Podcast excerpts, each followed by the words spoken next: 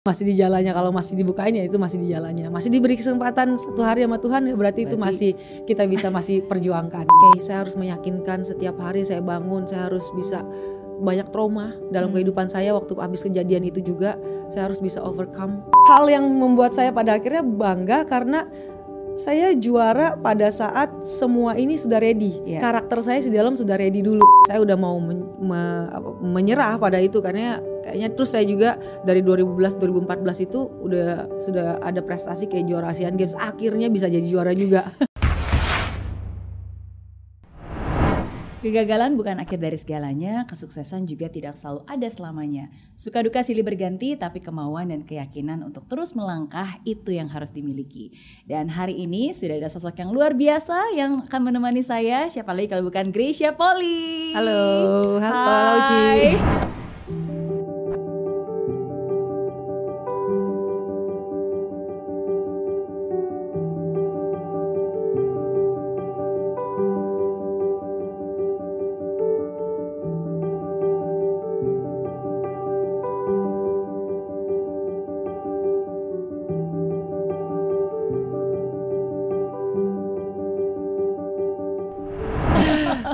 di sini. Thank you, aku yang senang. Terima kasih sudah mau meluangkan waktu Iya, uh, di tengah berbagai macam kesibukan dan aktivitas. Hmm, terima Tapi kasih. I can finally meet you in person. yes, thank you. Oke, Em, aku tuh sebenarnya uh, jarang banget bisa terharu dan menitikan air mata, khususnya ke orang yang aku sama sekali nggak kenal Oke. dan nggak pernah mengikuti. Oke. Uh, tapi ada dua Hmm. uh, video yang aku tonton uh, tentang Grey Iya. yang waktu itu aku benar-benar nggak kenal dan nggak tahu dan bahkan nggak pernah mengikuti tapi uh, it really touch my heart sampai Oh. aku benar-benar menitikan air mata. Yang pertama itu adalah video kemenangan kamu Hmm. di, Olimpiade. Olimpiade Jepang. Ya. Uh, uh, uh, buat saya itu um, melihat kamu menangis dan bersyukur dan mengucap syukur is amazing, Iya. is a miracle Iya. dan itu berarti banget sih buat saya. Padahal Oh. again saya bilang saya Oh. saya nggak kenal kamu dan saya nggak ngikutin perjalanan kamu exactly gitu. Iya, iya. Um, apa yang kamu rasakan di momen itu? Um, ini yang pas tanding final ya. After final or in the on the podium? Um, after final, After the final moment ya, you the receive moment it ya. dan yang, yang kamu Aduh, bersyukur. aduh, aduh. Sebenarnya itu lebih kepada mixed feelings karena kan um, habis tanding, jadi kayak kita kan lagi dalam perang ceritanya, terus kayak lagi capek, lagi um, mau kapan nih kelar pertandingan. Udahlah, kalau kalau atlet tuh masuk ke lapangan, kita udah siap dengan mau kalah mau menang. Jadi kita udah nggak peduli dengan dengan apa dengan hasilnya, tapi kita lebih peduli dengan prosesnya. Karena kan prosesnya itu kan eh, sangat itu durasinya kan 40 menit ya. Kalau pertandingan bulu tangkis kemarin yang 45 pa- sampai 50 menit itu kayak pengen aduh cepet-cepet kelar aja deh terserah deh. Karena pengen keluar dari pe- peperangan ini ceritanya pertandingan ini. Tapi begitu real begitu kelar kelar terus tahu tahu bahwa kita menang itu seperti kayak akhirnya kelar perangnya kayak kelar tapi yang lebih bersyukur tuh kayak baru realize ternyata kita menang ya. Maksudnya kayak menang kayak ini it's it's unbelievable sebenarnya buat buat saya. Dan itu seg- semua yang semua yang em, kerja keras semua yang penantian yang begitu lama semua yang eh, yang harga yang udah sudah dibayar dan eh, pengorbanan yang dari kecil well saya dari umur lima tahun main bulu tangkis dan sekarang kemarin itu 33 tahun.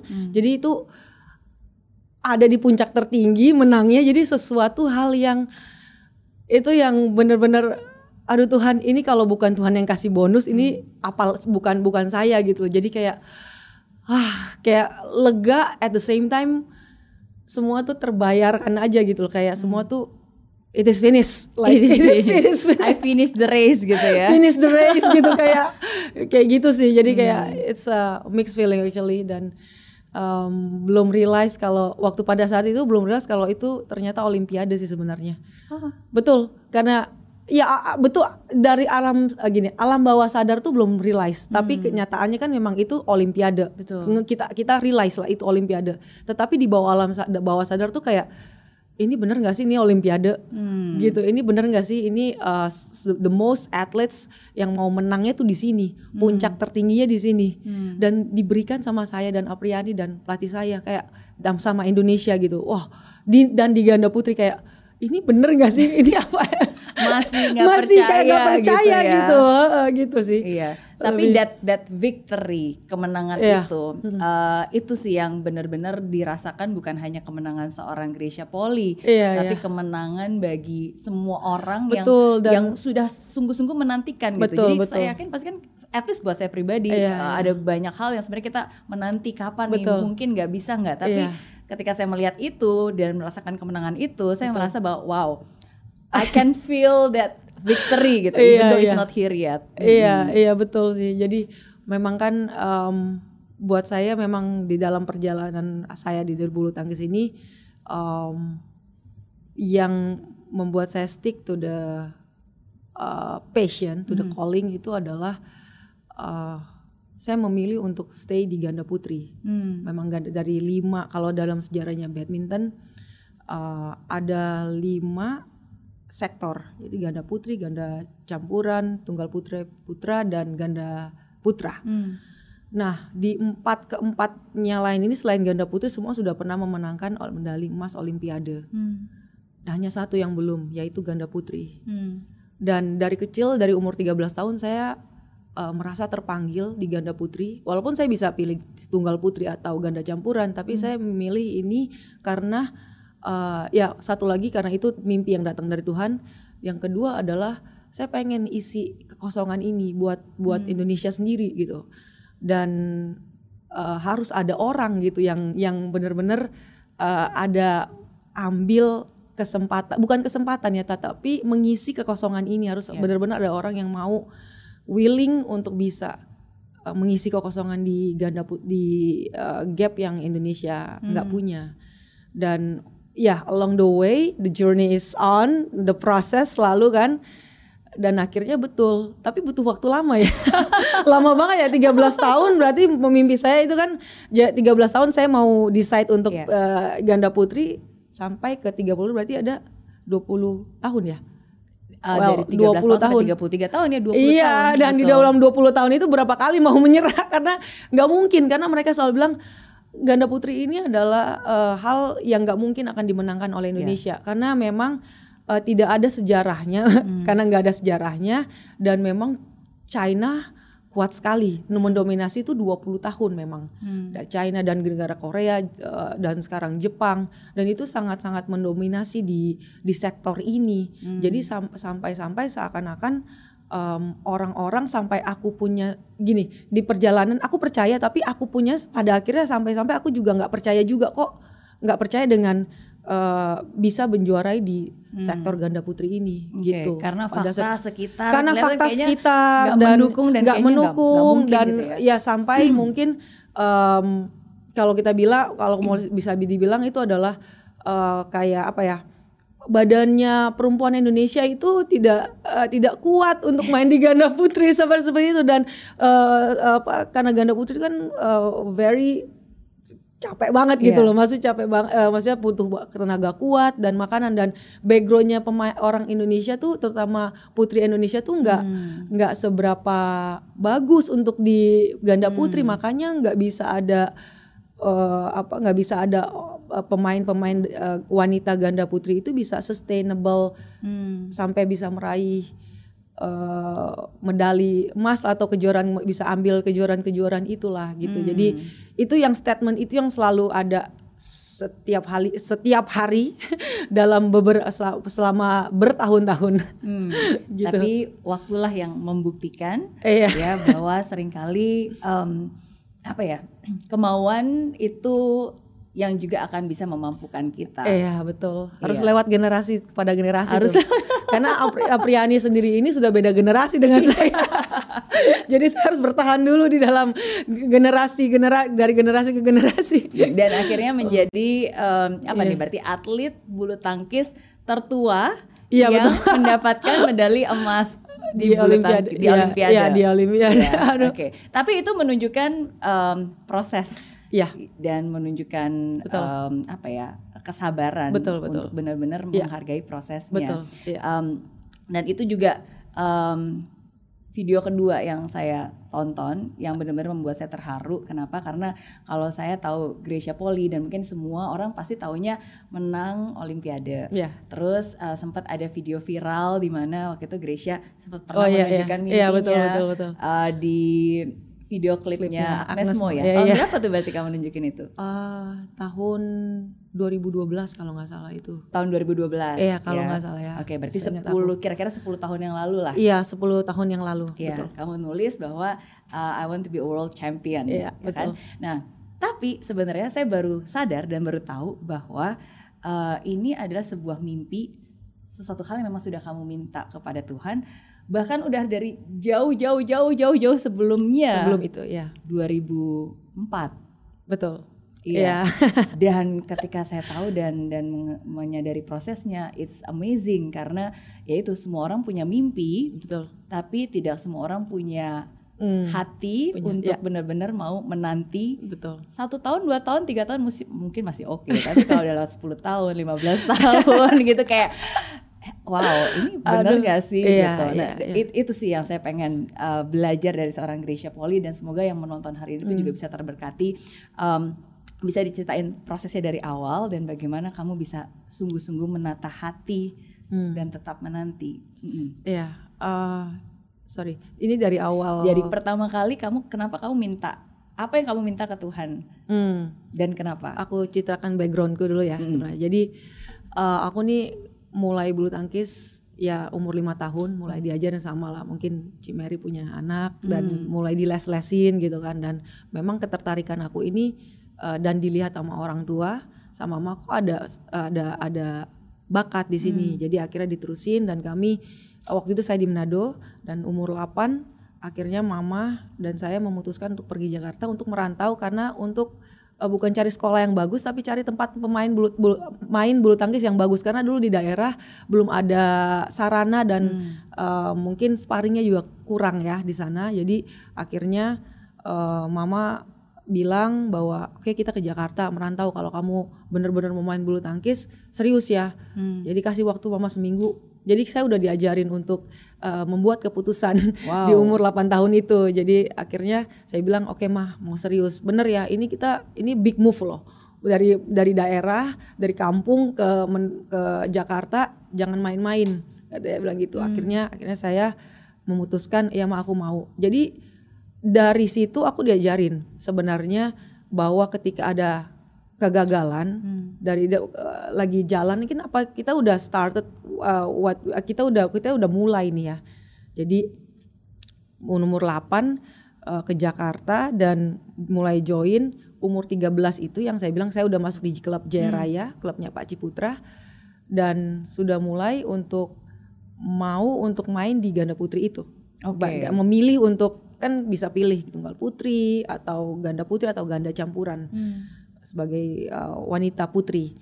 Nah, em kira saya memilih di ganda putri karena kayaknya ada sesuatu yang Tuhan panggil di sini gitu. Ada sesuatu yang saya juga ingin isi uh, sejarah yang saya ingin isi buat Indonesia sendiri karena belum ada gitu di sejarah di Indonesia melalui ganda putri untuk jadi juara. Nah, tahun 2004 itu saya mulai masuk pelatnas. Oke. 2003 lah, 2003 2004 saya mulai masuk pelatnas udah mulai jadi saya menjadi oh, maksudnya jadi seorang atlet yang eh, berbakat dan dilihat sepertinya potensinya ada nih untuk jadi juara ke depan. Seperti itu. Dan saya percaya dengan itu saya percaya dengan kemampuan saya gitu. Dan tapi dengan berjalannya waktu karena saya pilihnya ganda putri. Sebelumnya saya udah ceritakan ganda putri orang-orang bilang katanya memang nggak mungkin kamu bisa jadi juara Indonesia apa ganda putri juara dari Indonesia gitu. Iya, karena memang kenyataannya memang seperti itu.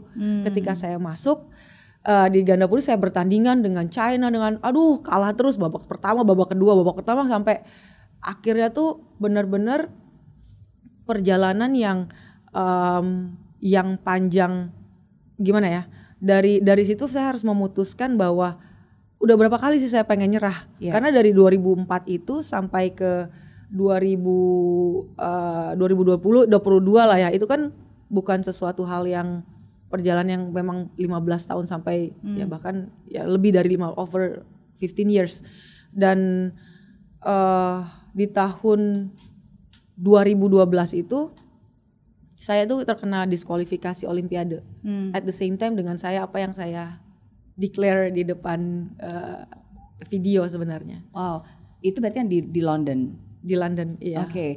Yang mana yang dulu? Maksudnya di saya bingung nih saya antara saya bingung nih saya lupa saya lupa antara itu saya bikin video itu sebelum olimpiade tapi di tahun 2012 apa sesudah Hmm. karena waktu itu ya uh, saya dan Agnes sahabat dekat jadi dia bilang eh mau nggak lo uh, kasih statement dong? Ini gue mau bikin lagu tentang uh, apa tentang uh, untuk ada anak-anak muda yang Harapan. harapan jadi tentang mimpinya. Mau nggak? Apa yang lo mau tulis lo tulis deh di situ.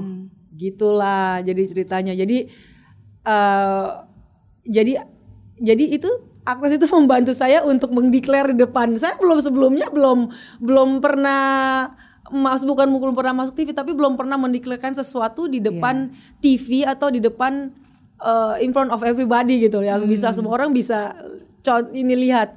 Dan akhirnya aku tulis lah.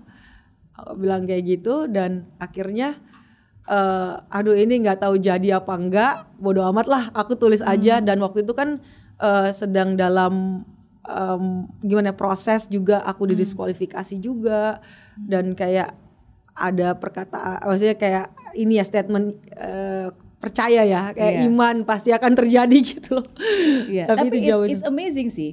Um, sometimes kadang-kadang kan orang membuat deklarasi ketika ya dia mungkin berada di situasi yang kayak oh oke saya percaya um, dan ini yang saya mau Iya, gitu. Tapi iya. kan sering kali ketika apa yang diharapkan dengan yang dirasakan apalagi kenyataan pada saat itu kan Iya. di, di diskualifikasi loh ini bukan cuma nggak Iya. menang tapi ini di bawahnya nggak menang Iya, diskualifikasi untuk sesuatu yang sebenarnya itu bukan uh, Betul. itu bukan yang faktanya seperti Iya, itu kan Betul, Mm-mm. betul. Iya, makanya em, saya punya mimpi dari dua, dari kecil umur 13 tahun sekitar tahun 2000 berarti 2004 masuk Malpanas sampai akhirnya 2012 malah sebenarnya dua, saya udah umur 25 pada waktu itu. Dan di diskualifikasi itu ada hal yang membuat saya itu semua dunia tuh kayak runtuh aja. Karena ini benar nggak sih saya di di ada di dalam mimpi ini ada di jalan ini? Kalau enggak saya udah mau cari yang lain deh jalan yang lain. Kayak gitu waktu pada waktu itu. Jadi eh ketika sesuatu itu gimana ya? Ketika itu sesuatu itu kita selalu tanpa sadar ya tanpa sadar dan pasti ada orang-orang sekeliling kita komunitas kita juga yang membantu bahwa kita harus bisa eh, stay on this track walaupun yang kitanya pun sendiri nih ngerasa kayaknya nggak mungkin gitu loh. Tapi orang-orang karena ada orang-orang yang membantu juga di dalam perjalanan ini kita bisa jadi pada akhirnya tanpa sadar kita sudah telah melalui itu. Kita sudah jalan it- kita sudah jalan walaupun belum ada juga em, hasilnya, Mm-mm. gitu sih jadi itu yang eh, eh, yang membuat saya jadi pada akhirnya tetap bertahan sempat pernah eh, tadi sempat pernah berpikir dan mempertanyakan apakah ini jalan yang benar apakah ini pilihan yang benar Betul, ya. betul. dan sering kali mungkin banyak orang juga berada di dalam titik itu apalagi Hmm. ketika eh, hidup menunjukkan fakta yang berbeda Iya. ya kan justru malah kalah nggak menang-menang udah latihannya gila-gilaan Iya. udah mencoba untuk udah berdoa juga Iya. tapi nggak menang Iya.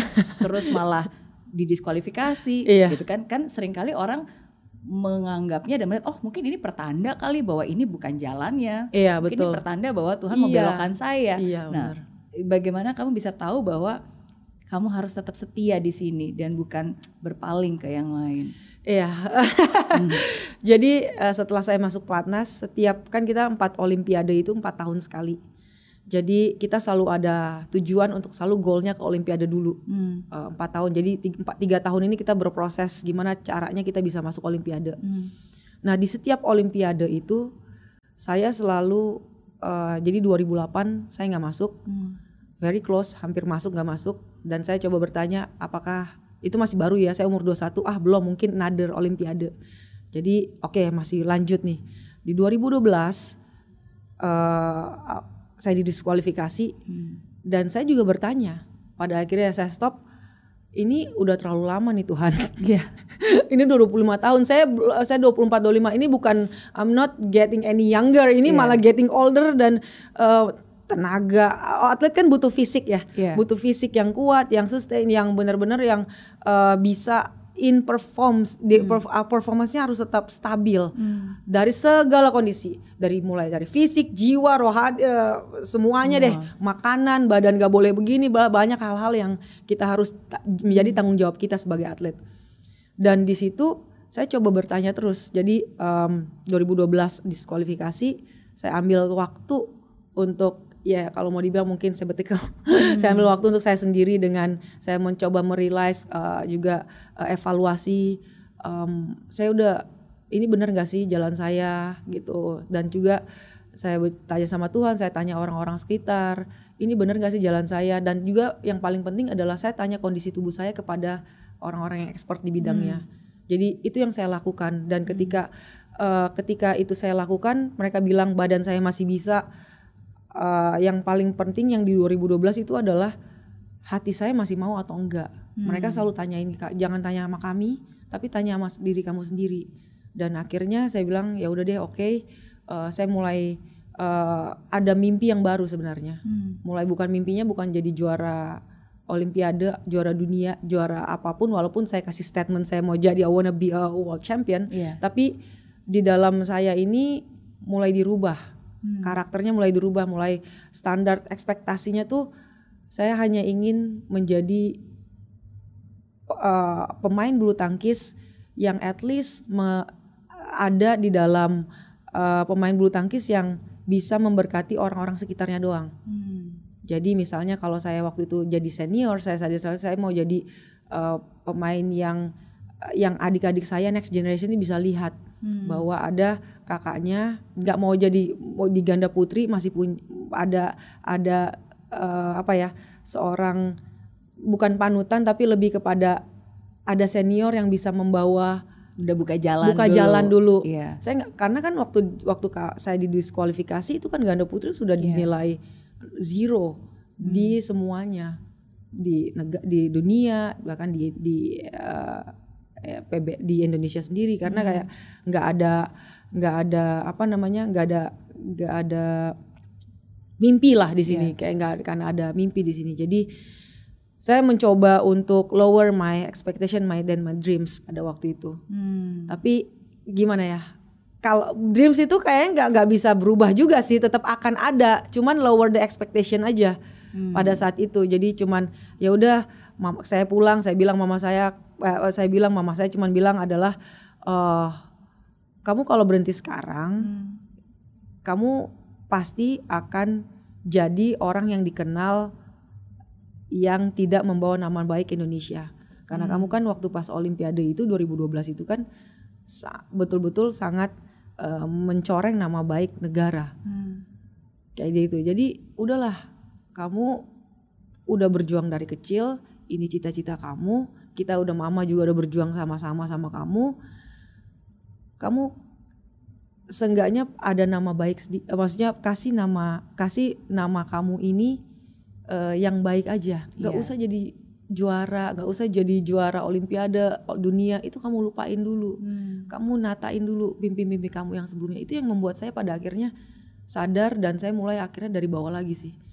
Itu restart lagi pada akhirnya dari situ yang eh, setiap kali itu jadi hit point my lowest point in my life di 2012 itu Oke. gitu Jadi em, mimpinya mungkin masih sama as a champion, Ya. tapi mungkin maknanya yang sedikit berbeda. berbeda betul Dan em, dan nggak perlu jauh-jauh nunggu nanti deh, at least yang bisa dikerjakan sekarang Iya, apa betul, dan lakukan yang iya. terbaik di saat itu. Iya, jadi setiap ya setiap 4, tahun sekali saya selalu seperti itu sih. 2016 juga seperti itu.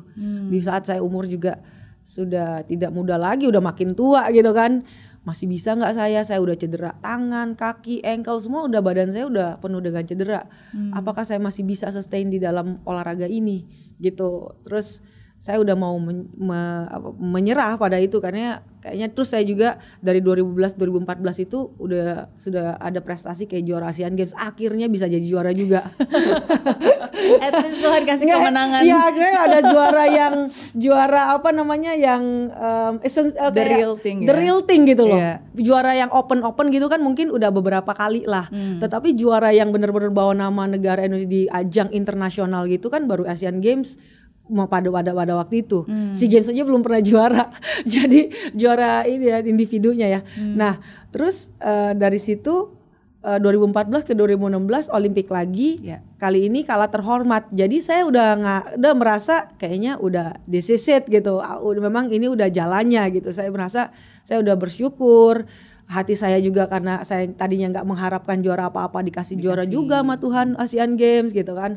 Perjalanan juga kami bisa jadi ranking dua dunia pada waktu dengan partner saya. Jadi everything is I thought the waktu itu everything is was like okay this is it gitu Iya, nggak usah lagi selesai. udah kelar gitu Iya. kan 2016 dan partner saya memang waktu itu cedera jadi Iya. itu yang membuat saya juga mau berhenti pada saat itu tapi along the way saya tanya lagi empat tahun empat tahun itu jadi kayak nggak kerasa gitu loh Hmm. kenapa jadi pada akhirnya lama panjang empat tahun saya tanya lagi saya masih bisa nggak kata pelatih saya tunggu dulu gitu jangan tinggalin gitu aja Hmm. karena eh, masih ada junior junior nih Hmm. adik-adik kamu yang mungkin bisa tolong kamu angkat dulu. Iya. Angkat itu bukan hanya saya sebagai senior ada di dalam latihan tapi ada di dalam pertandingan. Iya, gitu bersama ya. bersama. Iya.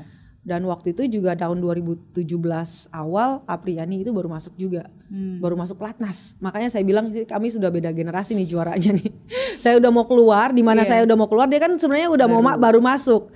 Terus saya coba berpikir apa bener ya saya harus nanya ya udah deh saya kasih waktu setahun Hmm. waktu itu enam bulan not even satu karena saya juga sudah punya pacar waktu itu yang yang sekarang jadi suami saya Iya. jadi kami juga udah mau settle gitu kan kapan menikah kapan punya ada another life selain bulu tangkis lah gitu Betul.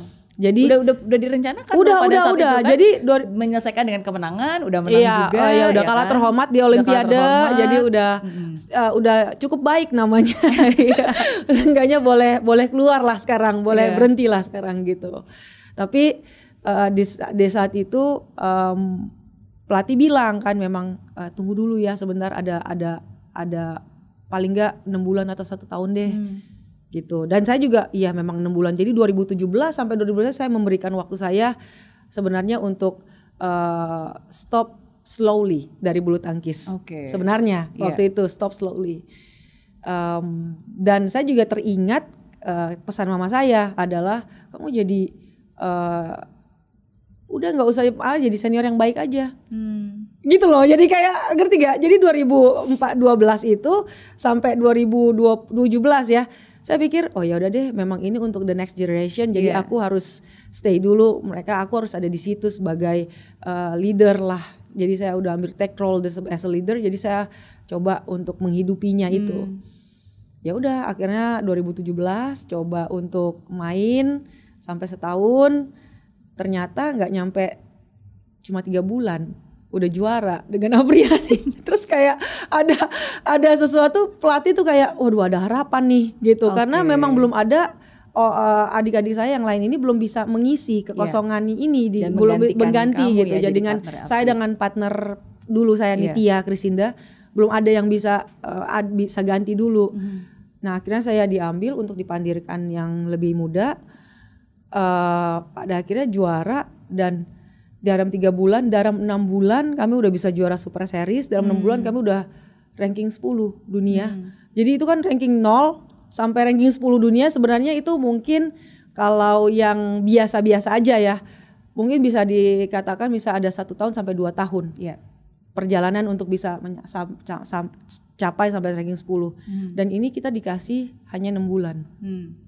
Dan gimana nggak mau ada saya jadi kagak aduh ini saya mau Ada. berhenti atau enggak Iya, kenapa sebelumnya loh. lama banget Nah, itu ketika udah iya. mau berhenti sekarang malah benar jadi cepat benar gitu jadi kan. cepat gitu terus Iya. kayak Tuhan tuh kayak kayak ini bener ya Tuhan saya harus stay gitu ya Iya.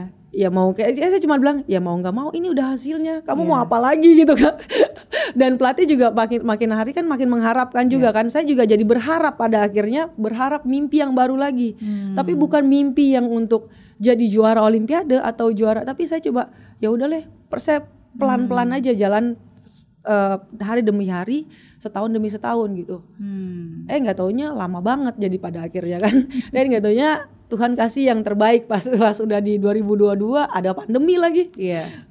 Akhirnya harus saya memutuskan aduh ini nikah apa enggak ya jadi apa enggak itu galaunya luar biasa sih kebetulan eh, beliau ada, Ada di sini sini ya. Iya. jadi Jadi bukan eh, hanya perjalanan betul, betul. menuju medali emas iya ya. jadi setiap perjalanan- musim tuh dalam kehidupan tuh ada ada ada ada ininya sendiri ya ada Hmm. bergojolaknya sendiri memang Mhm. yang saya nggak tahu ternyata pada akhirnya membawa saya karena saya fokus kepada eh, fokus kepada apa yang saya mau buat sekarang Iya. dan saya coba struggle apa nih yang saya harus overcome pada eh, yang saya buat sekarang itu pada akhirnya mel- eh, memimpin kepada wah udah jauh banget nih saya berjalan dari 2004 ke 2022 Hmm. pada saat itu kayak gitu sih jadi itu yang kenapa orang bisa bilang kok bisa bertahan sejauh itu karena ya memang itu sudah jalan Tuhan dan karena memang itu ada setiap empat tahun tuh saya coba Iya. predik eh, saya coba evaluasi Hmm. gitu dan ternyata memang masih di sini tuh itu ber- masih di bulu tangkis berarti itu udah ya memang Tuhan mau saya ada di sini dan mimpi saya di umur 8 tahun menjadi pemain serius bulu tangkis 13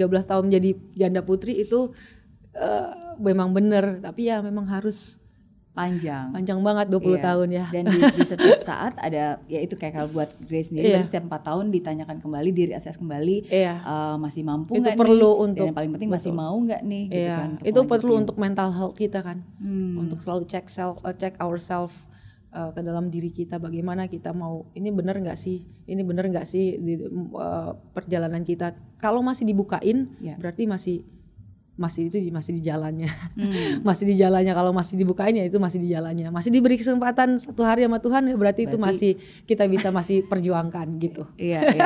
ya seperti yang Grey bilang ya selama eh, tidak menyerah pasti Iya, bisa. iya, gitu kan. iya. Pada akhirnya pasti selalu ya berakhir dengan kemenangan. Betul. Tapi satu hal yang saya salut berarti I think is your obedience sih.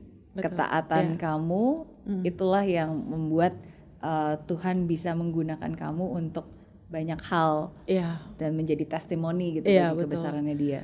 Betul. Dan eh, saya bersyukurnya adalah sekarang ya saya bisa realize when I look back, saya bersyukur kenapa Tuhan nggak kasih saya di juara. Setiap orang punya perjalanan masing-masing ya. Kenapa Tuhan nggak kasih saya di juara di umur 20s, juara Olimpiade, juara dunia, apa pun itu. Ternyata pada saat saya tarik ke sini sekarang, saya tuh lagi dibentuk karakternya dulu sama Tuhan. Hmm. obedience salah satunya obedience belief. Itu self uh, lagi diasah mental saya. Bagaimana saya mengalami me- apa saya harus ketemu yang namanya kerikil-kerikil batu bahkan jurang dulu sebelum saya mencapai kesuksesan itu sendiri sebelum saya pak sampai mimpi saya jadi saya merasa tuh saya bersyukur sekali saya nggak kayak tadi kan misalnya orang kan pasti akan atlet tertua aduh malu ya gitu tapi saya merasa saya bangga dengan itu Iya. kalau kalau orang kalau jadi atlet nih kita jadi atlet duh udah tua lo atau apa kita sering digituin gitu Iya, loh iya. tapi em, hal yang membuat saya pada akhirnya bangga karena saya juara pada saat semua ini sudah ready. Iya. Karakter saya di dalam sudah ready dulu. Sebelum saya mengambil semua fame yang namanya ketenaran, kepopulerita, eh, yang namanya eh, finansial segala macam itu eh, saya sudah ready menghandle segala macamnya ini. Eh, segala macam yang diberikan Tuhan ini. Jadi saya mengucap syukur untuk itu. Jadi saya pada saat saya juara saya merasa ini bukan saya Tuhan ini cuman kayak bonus yang kamu kasih gila gue saya udah umur segini masih dikasih bonus gitu. Jadi saya ngerasa eh, saya bisa bilang dengan humbly said saya Iya. Eh, ini bukan karena kekuatan saya sendiri gitu, tapi ini betul-betul proses yang Tuhan izinkan saja terjadi dan pada akhirnya bisa nyampe ke tangan saya kayak gitu sih. It's only by God's grace. Iya betul. God's grace. iya gitu. Iya, tapi it's an inspiration sih. Maksudnya ketika saya bilang uh, atlet tertua yang mendapatkan medali emas, Betul, betul. for me it is an inspiration. Iya Karena- pada akhirnya. karena setiap orang kan pasti merasa ah masanya sudah lewat dan sometimes kita ngerasa bahwa um, apa ya ada window opportunity yang sebenarnya itu harus kita kejar di Betul. saat waktu tertentu Iya, dan iya. ketika waktunya udah lewat tuh Iya. kayak ya lewat. Iya. Mm, padahal enggak. kan? Betul, ini jadi pada akhirnya yang saya jadi yang saya realize sekarang jadi merubah perspektif orang-orang dari di, di luar sana. Maksudnya ketika berarti atlet ini bisa sustain apalagi wanita ya. Kita bilang kita kalau pria itu sudah banyak banget yang maksudnya yang mereka bisa uh, bertahan umur 35, 40 bahkan banyak banget kan yang mereka masih olahraga. Tapi untuk uh, seorang wanita untuk bisa bertahan di umurnya yang sudah tidak muda lagi itu adalah jadi suatu perspektif yang baru dibukakan. Jadi orang-orang mungkin sekarang melihat saya orang-orang jadi bangga. Iya. Bangga karena gila kita punya atlet paling tua gitu yang bisa juara. Gila mereka jadi bangga Iya. dengan itu. Iya. Kalau dulu mereka kita bahkan aku sendiri aku nggak bangga. Aduh aku makin makan makin tua karena kan kita ada di dunia yang di mana makin muda makin bagus Iya. untuk berprestasi gitu. Betul. Ada di mana yang makin prima golden age-nya tuh di umur sekitar 25 26. Memang memang eh, di dalam dunia olahraga tuh kalau kita bisa di eh, apa eh, di dilihat gitu itu memang golden age-nya di dua- 25 26 itu udah paling bagus deh. Yang lain-lain itu cuman bertahan maintenance gitu. Tapi ternyata saya berbeda Against all odds. Against all- against saya berbeda jadi dua di, di dalam umur 33 saya jadi ada ada apa namanya ada golden age-nya bukan di situ kali betul betul gitu Ya, sih. eh, tapi that's that's very true karena apalagi Iya. sekarang kita berada di di dunia di era di mana uh, success is getting younger dan Iya. seakan-akan tuh kayak Harus cepat kalau gitu. semua harus cepat semakin cepat kamu umur 13 umur 20 udah jadi milioner umur Iya. 13 udah jadi Betul. wah punya punya banyak hal itu Iya. seakan-akan kayak wah keren Iya, gitu iya. tapi tapi is is not true at all Iya. gitu ya kan Iya, yang paling betul. penting adalah do you have the maturity apakah kita punya Bener. kedewasaan dan Iya, mau menghargai prosesnya sehingga ketika kesuksesan itu ada dan diberikan dan dipercayakan kepada kita ya memang kita juga Betul. sudah punya kapasitas gitu Iya. untuk bisa layak lah layak menerimanya iya iya iya iya iya kalau kita berbicara tentang zero to hero uh, pasti ada banyak momen naik turunnya Betul. Um, I know kayak tadi Gray bilang wah banyak batu kerikil bahkan menurut saya bukan hanya batu kerikil ya Hmm. Jurang. bukan Udah iya, ke jurang, jurang. ya. udah bukan cuma itu udah jatuh ke jurang udah gitu orang ngambil batunya dilemparin ke situ Iya, lagi iya, ya benar.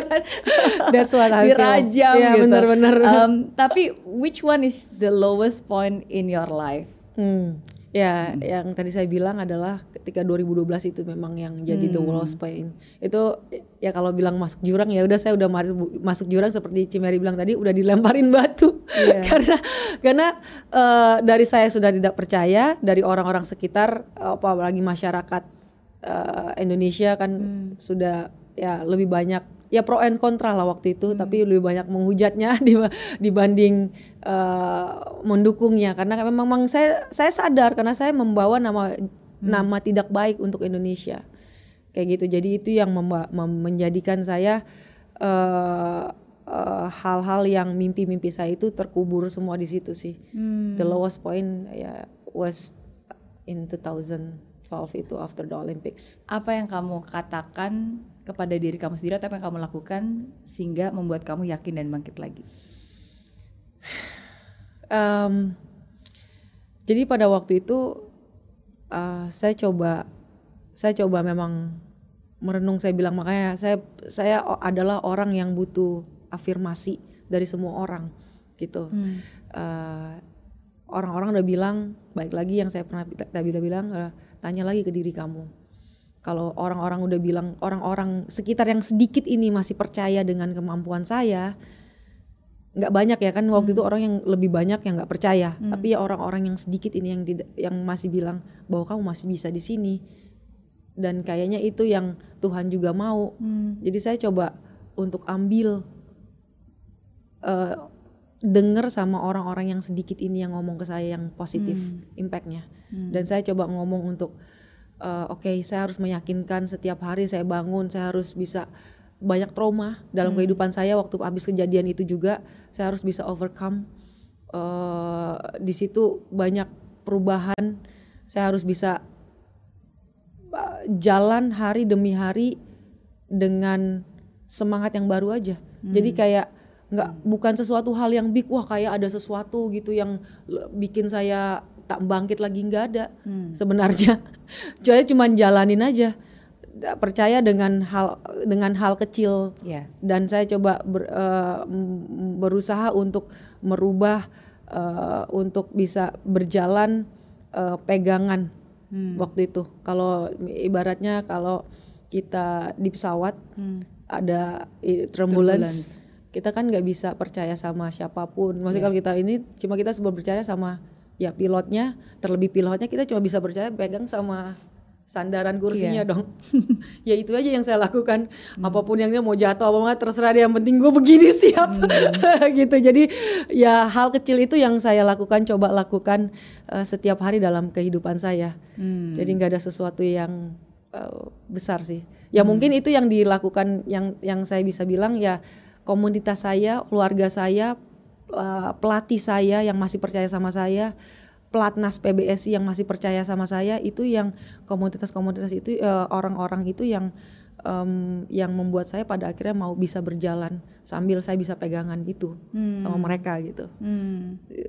ya seperti itu sih kalau saya bisa Ya. mendescribe Eh, tapi I, I I totally agree karena sometimes sering kali uh, mungkin banyak orang berpikir bahwa oh harus ada satu terus tiba-tiba kayak one big things terus tiba-tiba semua berubah tapi tapi nggak juga sih. Nggak Uh, juga. karena kalau saya maksudnya ketika mendengar dari cerita Grey uh, saya kembali teringat kembali akan pesan yang waktu itu mama juga kasih ke saya gitu. Kan kita pasti selalu ada momen di mana sedih terpuruk gitu. Kita mengunderestimate diri kita kita meragukan diri kita dan kayaknya aduh udah deh gitu kan. Ya cuma yang aku selalu ingat ya mama bilang arahkanlah pandanganmu pada Tuhan dan dia akan memberikan kamu jalan betul tidak Iya. semuanya sekaligus tapi langkah demi langkah Betul, gitu tapi iya. setiap langkah adalah mukjizat Betul. gitu dan, sometimes kadang-kadang kalau kalau saya lagi lagi stres gitu kan lagi bingung ya udah nggak usah mikir terlalu jauh deh Iya. pokoknya hari ini aja ya Tuhan saya benar-benar pengen jalani hari ini dengan sebaik-baiknya Iya. gitu kan yang, yang penting ya saya menyiapkan energi dan kekuatan hanya untuk hari ini aja Iya benar, ya gitu gitu. Jadi saya juga melakukan kayak latihan kan, coba balikin, kan Iya. capek juga kan. Iya. Ya udah deh satu hari dulu latihan capek, ya udah kayak badan kan kayak kalau udah latihan capek tuh udah kayak remuk semua yang nggak bisa ngapa-ngapain, Iya. nggak bisa mikir, nggak bisa apa. Jadi ya udah tidur, habis itu besoknya begitu lagi, begitu aja setiap hari. Jadi nggak mikir yang terlalu jauh, nggak mikir juara ini juara itu yang gitu. penting hari ini aja Hari ini aja, benar. dulu gitu Betul, kan. betul.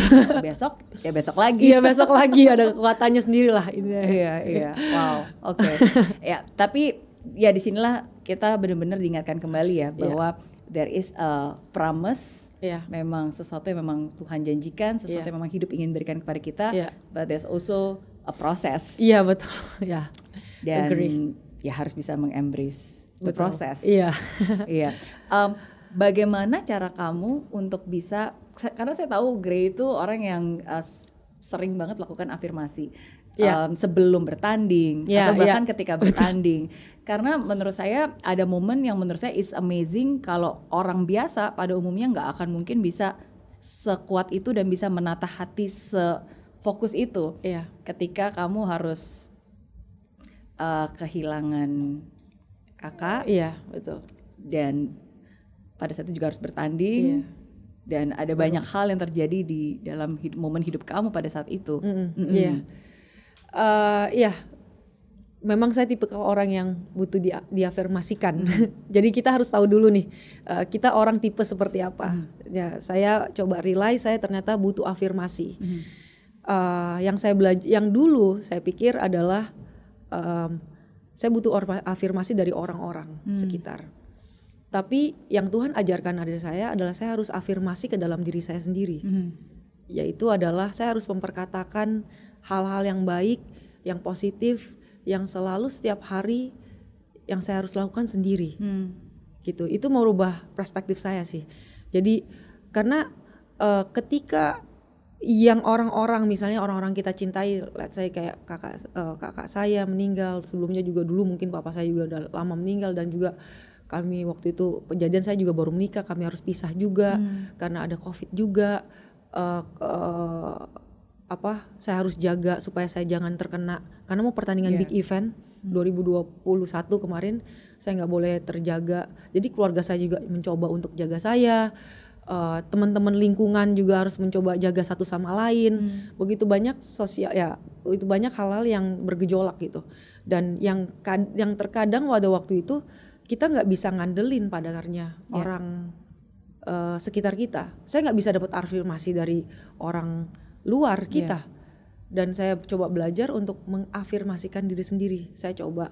Jadi eh, untuk bicara sendiri kepada Tuhan untuk bicara di depan kaca.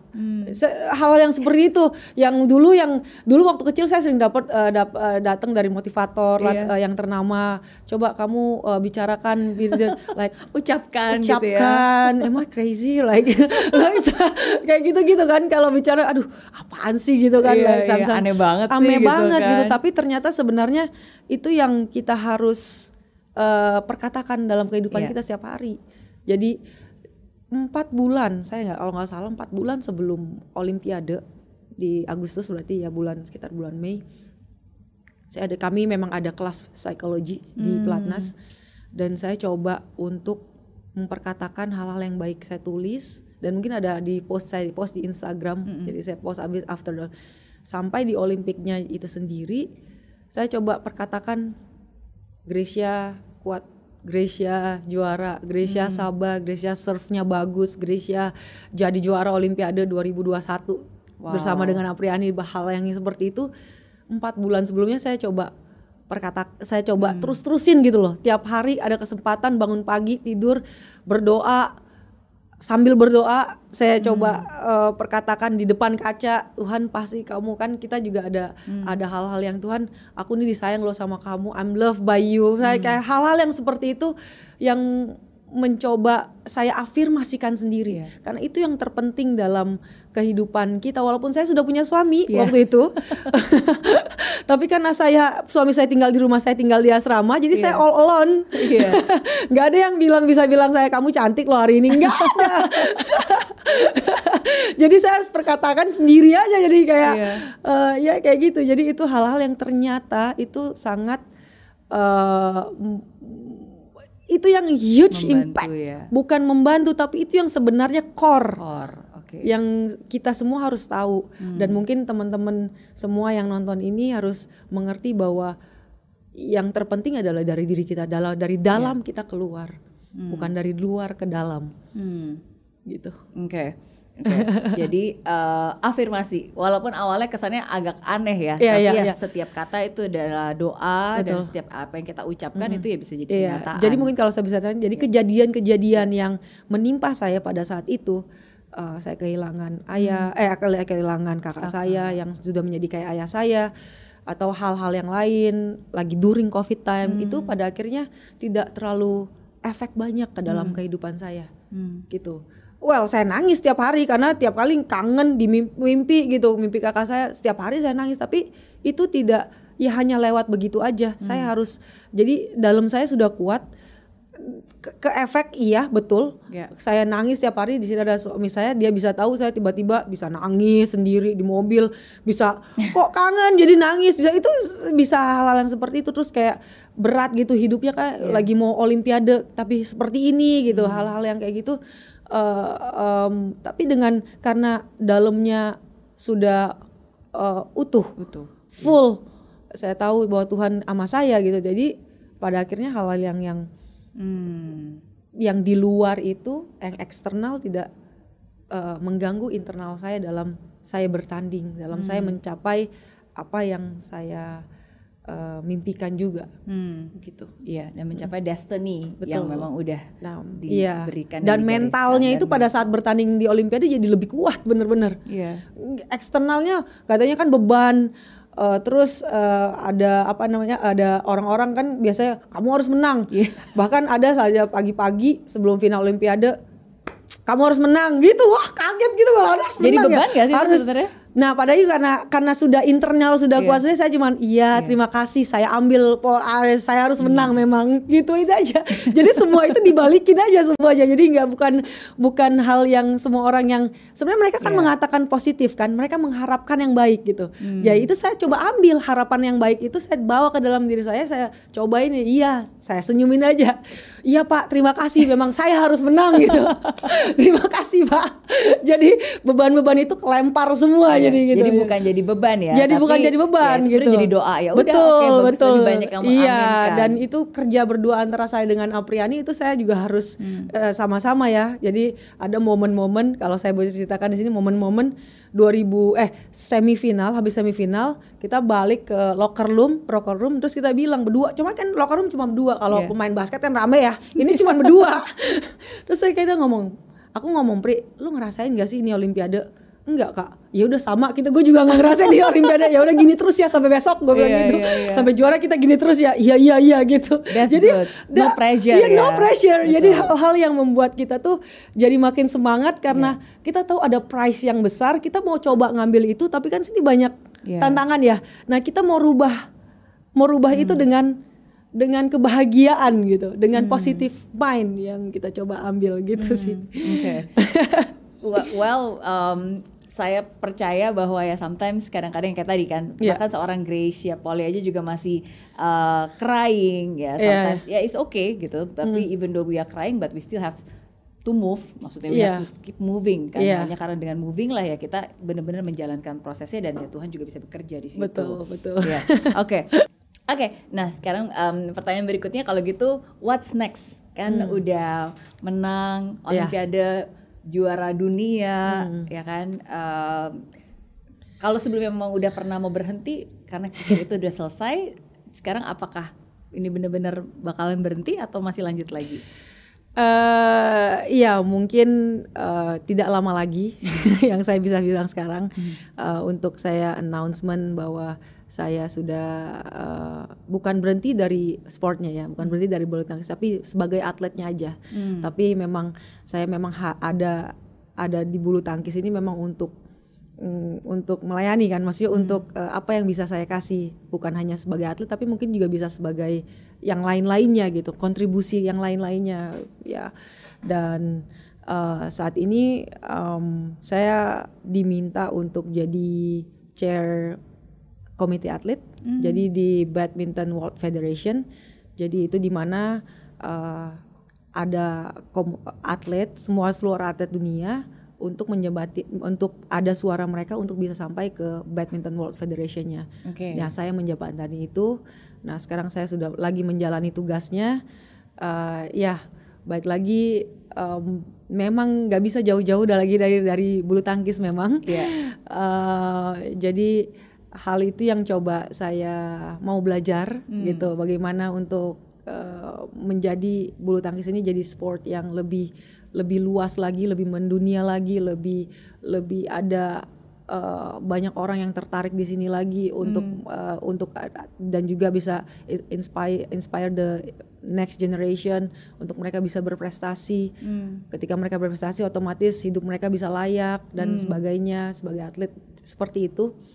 Eh, ya yang saya lagi jalani eh, saat itu ini, ini- Oke. dan juga Jadi ya tetap mungkin di sports berarti ya. Iya, tetap akan di sports yang nantinya mungkin eh, ada beberapa juga mungkin project ke depan yang mungkin saya tidak bisa bilang saat ini karena belum di announce. Eh, tetap di dalam sport juga. Iya.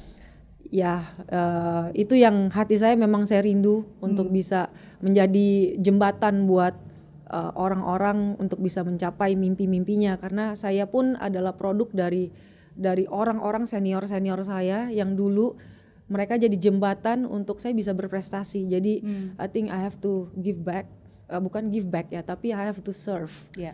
Pay it untuk forward pay ya. uh, ya I- not even pay it forward maybe uh, memang memang memang sudah ada di dunia ini dan kita harus Hmm. menolong satu sama lain gitu untuk ada kontribusi yang uh, lebih baik lagi untuk dunia olahraga bulu tangkis dan untuk ter- uh, un- uh, uh, lebih spesialnya untuk Indonesia Hmm. gitu sih Oke, walaupun Iya. sebenarnya seorang Gracia Poli punya banyak bakatnya selain olahraga, termasuk sebenarnya punya bakat nyanyi juga. Oh no, kalau itu cuman ya kalau menyanyi enggak kayaknya ya, Oh, kayak iya, Tuhan iya. kasih saya suara yang bagus. Masa sih? Ya, kayaknya banyak bisa yang lagi dilatih nih. tetapi nggak bisa bisa jadi uh, profesi tapi saya memang uh, suka juga dunia art memang dari kecil Oke. saya uh, selain ja- main bulu tangkis bakat gitu kayaknya saya juga ada bakat di jadi musisi maksudnya uh, main ya itu either itu main gitar karena saya Iya. cepat Tapi banget belajar loh. nggak juga nggak nggak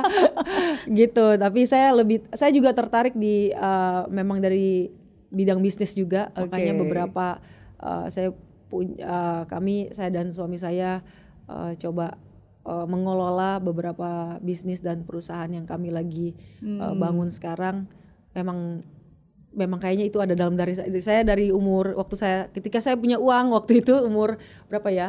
17 kali ya. Saya langsung pikiran saya ini mau diapain ya uangnya mau dikasih bisnis yang mana ya gini ya harus diputerin gimana ya itu yang kayak udah berdarah daging kayaknya jadi saya coba Bagus dong, kan memang harus merencanakan. Betul, merencanakan. kan? Ya, mungkin kalau uh, bisa dibilang di sini mungkin teman-teman juga mungkin ada yang atlet di sini. Atlet kan cuman punya ya dua atau tiga opsi waktu mereka jadi atlet kan. Mereka bisa beli aset, beli rumah, beli tanah, itu sebagai tabungan mereka. Mereka bisa tabung deposito.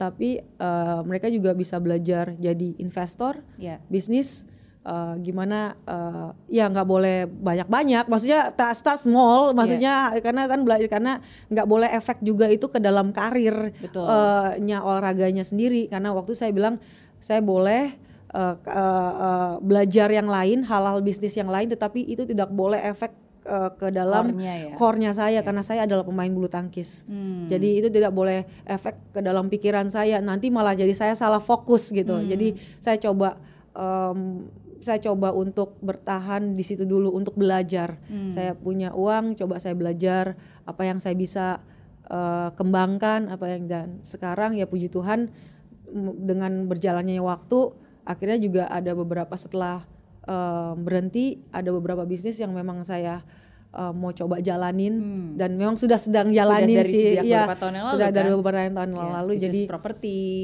ya dan eh, Sepatu. ya lifestyle dan jadi ya investor di beberapa perusahaan jadi Oke. ya itu yang mm, it's good for us sebagai atlet untuk bisa tahu masa depannya ke mana Iya. dan tahu hatinya di mana tetap hatinya tetap di bulu tangkis Hmm. Tapi proses untuk terus mau belajar itu yang juga luar biasa sih. Iya, Karena iya. mungkin banyak yang nggak tahu bahwa seorang Gracia Poli sebenarnya juga kuliahnya perpajakan. iya Dari begitu banyak hal yang bisa dipilih. Eh, gini. Sebenarnya kalau kuliah kuliah itu jadi ada salah satu uh, universitas. Saya boleh sebutkan uh, Trisakti. Mereka membantu kami waktu itu di tahun 2012 Iya. untuk memfasilitasi atlet-atlet ini berkuliah bisa kuliah. Eh, jadi eh, mereka kasih pelajaran gurunya dosennya datang ke pelatnas untuk ajarin kita. Iya betul. Sa- saking seperti itunya mereka peduli ya. Eh, tapi ya itu cuman bisa ada dua. Waktu itu cuman satu pas zaman saya. Ya akuntansi dan akuntansinya apa? Perpajakan. Jadi saya nggak bisa milih tapi ya udahlah saya ambil aja. Nggak ada salahnya kan saya belajar. Walaupun Iya. saya I hate akut, eh, akuntansi. Saya nggak suka eh, nggak nggak terlalu di dunia eh, di situ gitu loh bidangnya Iya, iya. tapi saya bisa belajar sedikit sedikit sedikit. Eh, terus yang le- lebih penting lagi mungkin saya eh, banyak les juga kali ya les saya les apa ya saya les Oh iya, les apa? ya lebih kepada bahasa sih sebenarnya karena saya oke. eh, senang juga untuk berinteraksi dengan em, eh, atlet luar dan juga Iya. negara luar kan saya senang juga history jadi saya coba pengen pengen karena kita komunikasi kan kalau eh, oke kita bisa bahasa Inggris gitu ya eh, tapi belum tentu eh, atlet luar atau teman-teman di luar itu bisa Bisa Inggris juga. bisa Inggris juga. Jadi nggak ada salahnya juga saya bisa mendalami eh, bahasa mereka. Sekalian justru itu menambah wawasan saya juga kan. Oh, ap, Gitu. jadi bisa bahasa apa aja nih? korek kok kok- ah, saya lagi les ya. Lagi sekarang lagi lagi sementara. Lagi sebenarnya sih ini saya les terus menerus nggak nggak Oke. berhenti berhenti jadi dari dulu saya udah ya Korea. Terus eh, kalau banyak teman-teman Thailand saya jadi sedikit little bit of Thailand. Wow. terus eh, em, Mandarin. Mandarin itu gara-gara di China kita sering iya. pertandingan ke Cina tetapi nggak bisa bahasa Cina dulu belum ada Google Translate belum ada Iya, apa. iya. jadi bisanya gitu-gitu bisa pesan makan bisa lah dikit cekek cekek Iya cekek. nggak kayak Cibari mungkin bisa banyak ya. bisa oh nggak bisa. Bisa semua ya jadi kayak gitu gitulah jadi Iya, iya, eh, iya. mencoba. Pernah dulu eh, les Mandarin yang tulisan apa tuh, tulisan tapi Hmm. emang susah ya aduh tapi nggak apa-apa suami saya sekarang bisa Mandarin bisa menutupi kekosongan itu Jadi gitu. saling melengkapi Saling melengkapi. saling melengkapi iya iya iya ya tapi again sekali lagi ini berarti menunjukkan bahwa ya seseorang juara itu dibentuk bukan hanya dari skillnya saja ya tapi Iya. kan berarti you are a very um, apa ya kamu tuh seorang yang maunya bener-bener mau belajar gitu Iya. you have a student mindset terus belajar terus belajar terus upgrade diri Betul. eh, itu itu salah satu core Mhm. sebenarnya untuk kita menambah wawasan Hmm. yang saya realize sekarang karena hidup kita kan nggak selalu bulu tangkis nih dan eh, bulu tangkis itu adalah memang core kita tetapi Hmm. harus di eh, di didukung dengan core dengan dengan si- sistem support sistem yang lain Hmm. yaitu ketika kita bisa belajar bahasa Inggris misalnya atau belajar bahasa Spanyol itu kan menambah wawasan kita kan. Iya. Nah, sewaktu kita main bulu tangkis, kita lagi kita lagi stuck, kita lagi aduh harus apa ya, strategi apa. Nah, itu kan otak kita dilatih terus-menerus. Nah, part yang kecil ini sebenarnya ini small thing, small part yang membantu core-nya bulu tangkis ini. Jadi ketika kita di dalam lapangan, kita tahu kita mau strategi seperti apa. Hmm. Kayak encer aja gitu loh otaknya. Untuk jadi nggak stuck eh, ketika kita ketinggalan lagi eh, lawan leading gitu lim- 10 1 aduh harus gimana ya saya nah Iya. ketika kita tanpa kita sadarin itu benar-benar ngaruh saya sih ngaruh banget Iya. makanya saya seneng untuk bisa untuk bisa belajar hal-hal yang lain di luar itu karena untuk membantu mendukung bulu tangkis saya ini Iya. jadi atlet saya ini gitu untuk mendukung supaya saya bisa jadi juara. Jadi Hmm. apa pun yang menjadi juara yang saya yang bisa menjadi juara yang bisa untuk saya menjadi juara seorang juara saya akan lakuin. Hmm. Yaitu event toh small parts itu ya belajar hal-hal yang kecil ini ya bahasa lah, belajar piano lah, belajar Oh, iya. masak lah, apalah itu loh ya saya saya lakuin sih. Iya, iya, iya. Karena itu untuk it helps, mendukung, betul. it helps gitu Betul. di lapangan dijadi sebagai seorang bulu tangkis. Core-nya nggak pernah lupa memang Hmm. dengan bulu tangkis itu. Dan gitu. seorang Grey adalah seorang yang selalu penuh perencanaan. Ada satu post yang selalu saya ingat. eh, Grey bilang apa pun juga yang kamu lakukan dan keputusan yang kamu lakukan di umur 10 tahun sampai remaja Oh, iya, iya, iya. itu Mendu- mendukung betul. kamu di usia 20 tahun. Iya. Apa yang kamu lakukan dan putuskan di umur 20 tahun Iya. itu efeknya baru umur 30 tahun. Wow, Cibari dilihat itu ya. iya dong, malah ada Aduh. fotonya. Oh, ada Ini fotonya ya? kamu waktu itu. Oh, gitu. Iya nggak? Ini umur berapa nih Iya, berarti? iya, ya masih kecil itu umur Masih dua kecil ya. banget, iya. Dan ada Iya, foto iya. sama mama juga. Oh, wah. Iya, oke. Nah, tapi tapi it's true kan? Karena Betul. sebenarnya apa yang kamu lakukan di 10 tahun itu ya hasilnya baru akan efek 10 tahun kemudian. betul betul Gitu. iya iya Iya. sih ya makanya itu saya tulis kayaknya waktu saya um, uh, mau getting uh, turn 30 years Hmm. old jadi waktu saya udah umur 30 tahun saya coba realize tuh kehidupan nah saya Iya. juga orang yang makanya saya butuh kan saya orangnya perlu afirmasi saya Iya. juga perlu perlu evaluasi nih saya harus ngapain setelah saya lihat iya ya waktu saya lahir eh, saya umur lima loh bayangin ma- Hmm. main. Saya juga nggak nggak bisa gila ya saya umur lima tahun udah main bulu tangkis gitu kan. Kan kayak kalau sekarang saya bilang biasa tapi saya orang buat orang lain membuat diri saya Iya. oh itu saya nggak bisa ngebayangin sih anak saya juga umur lima. Nah seperti misalnya seperti itu kan. Saya coba eh, umur lima saya main bulu tangkis. Eh efek ya ke umur 10 tahun ke depan saya tetap main bulu tangkis gitu ternyata apa yang saya ambil di saya putuskan di umur 13 tahun Hmm. itu efek ke dalam saya umur 20 tahun. Hmm. kayak gitu. Ketika saya mengambil umur 25 nih saya mau ngapain nih? Kan saya ada jur- ada ada ada apa tuh namanya? Ada eh musik bukan musibah ya kayak ada cobaan lah dari ya, ya. tantangan di situ.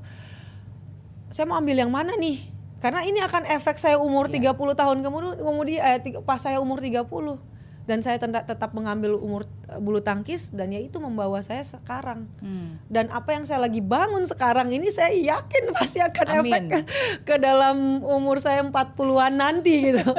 Pasti. gitu gitu pasti, sih. Iya. pasti. iya. Amin, amin. Kita doakan pasti akan lebih banyak lagi kontribusi-kontribusi hal-hal yang baik yang um, bakalan bisa dilakukan Iya. oleh seorang Gracia Poli Iya, bersama dengan pasangan tentu saja Iya, Felix. sekarang ada temennya jadi lebih enak.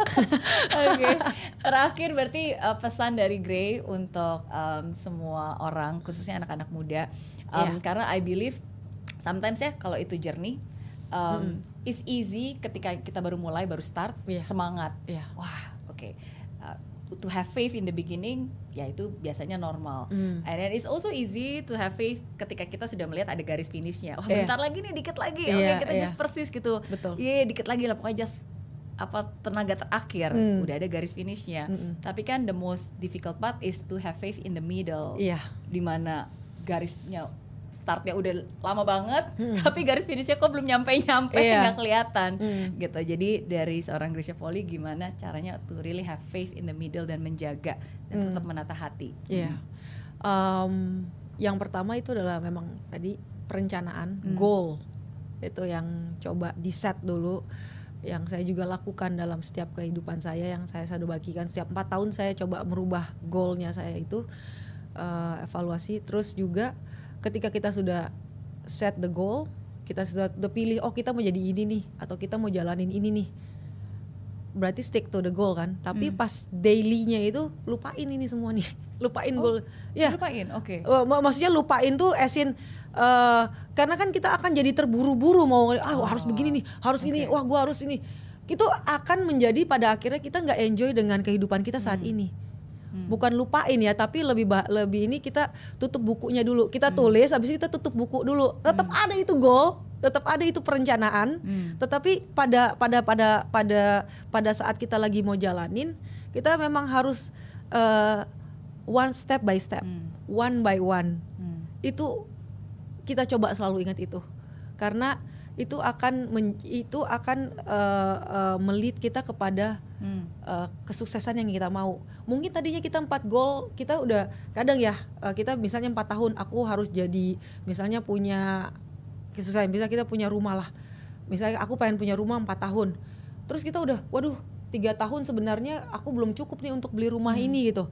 Tapi ternyata kan eh, ya udah aku nabung dulu. Mungkin kita bisa undur. Hmm.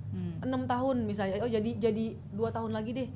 Pada akhirnya kita bisa nyampe ke situ. Daripada kita udah set kita keburu-buru Ya. kita liatin goal kita terus itu kita jadi kayak orang yang wah pokoknya dalam eh, empat tahun gue harus selesain ini. Empat tahun ini gue harus selesain ini. Kita tuh kayak nggak enjoy dengan apa yang kita lagi lakuin sekarang. Hmm. sedangkan itu bisa tengah jalan kita bisa ada ada ada apa namanya yang Fleksibel ya. ada iya ya? bisa flex ad- eh, dalam tengah jalan tuh bisa ada tantangan Iya. nah tantangan ini yang kita harus Hmm. coba enjoy dengan the process Hmm. supaya bisa nyampe jadi itu yang eh, yang coba saya lakukan dalam kehidupan saya Oke, Gitu ya. tetap punya mimpi, tapi ya tidak perlu dipaksa karena sering kali yang Gri, Gri juga bilang Iya, ya, target uh, kalau ya, memaksa target. itu justru lebih melukai hati. Iya, ya kan? iya, Tapi karena lakukan target. yang terbaik, Iya. ya pasti akan nyampe ke sana juga. tetap punya target Iya. tapi dalam perjalanannya itu kita harus be flexible Iya. yang Cimeri juga bilang tadi dalam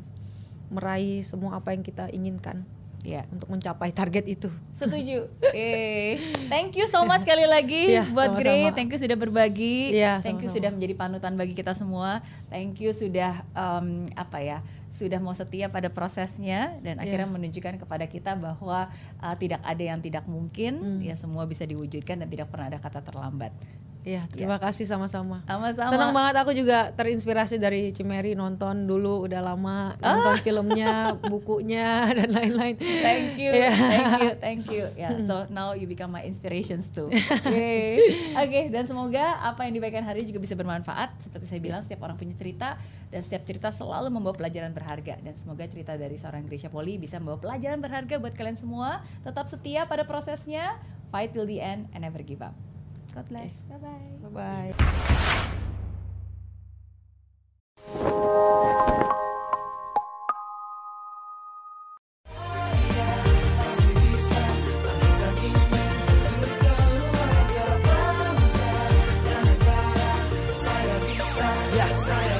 Laksana bumi tanpa hujan, hidup tanpa tujuan, kering dan mati tanpa hijaunya tumbuhan. Ah, demikian kalau mimpi tak kunjung terjadi.